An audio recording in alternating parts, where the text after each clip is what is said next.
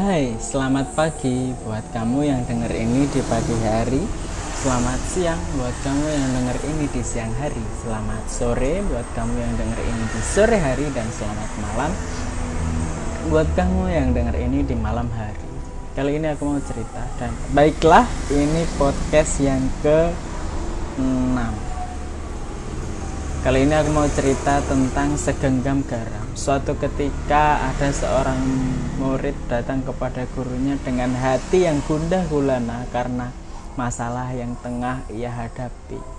Kemudian guru tersebut mengambil segenggam garam di dapurnya, kemudian dia berikan kepada si pemuda itu. Si guru menyuruh si murid untuk memasukkan garam ini ke dalam segelas air putih kemudian diaduk. Lah si murid disuruh minum sama si guru ini.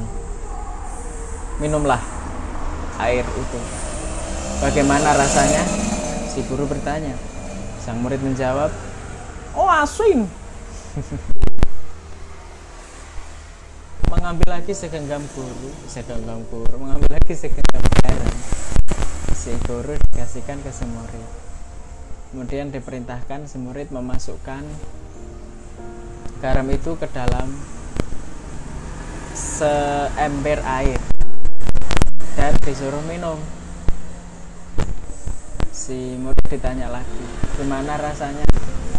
Enggak seasin gelas nggak seasing segenggam garam di gelas. Kemudian diambilkan lagi di dapur segenggam garam. Disuruh memasukkan ke dalam sumur. Setelah dimasukkan ke sumur diambillah air dari sumur itu kemudian disuruh minum si muridnya. Nah guru tanya lagi gimana rasanya? Tidak asin sama sekali dari sini si guru memberikan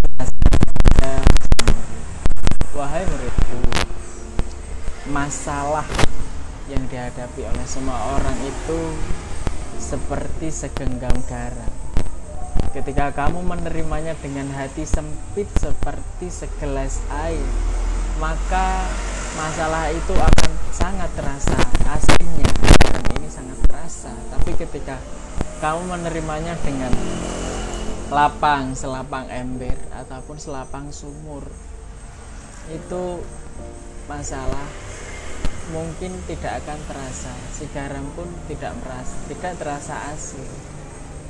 Begitulah hatimu harus menerima masalah dengan lapang agar masalah itu tidak mengasini hatimu agar masalah itu tidak mengas uh, tidak me terlalu kau rasakan beban. Begitulah. Hikmah dari kisah ini adalah kita harus menerima masalah dengan hati dan dada yang lapang. Baiklah sampai jumpa di podcast selanjutnya. Terima kasih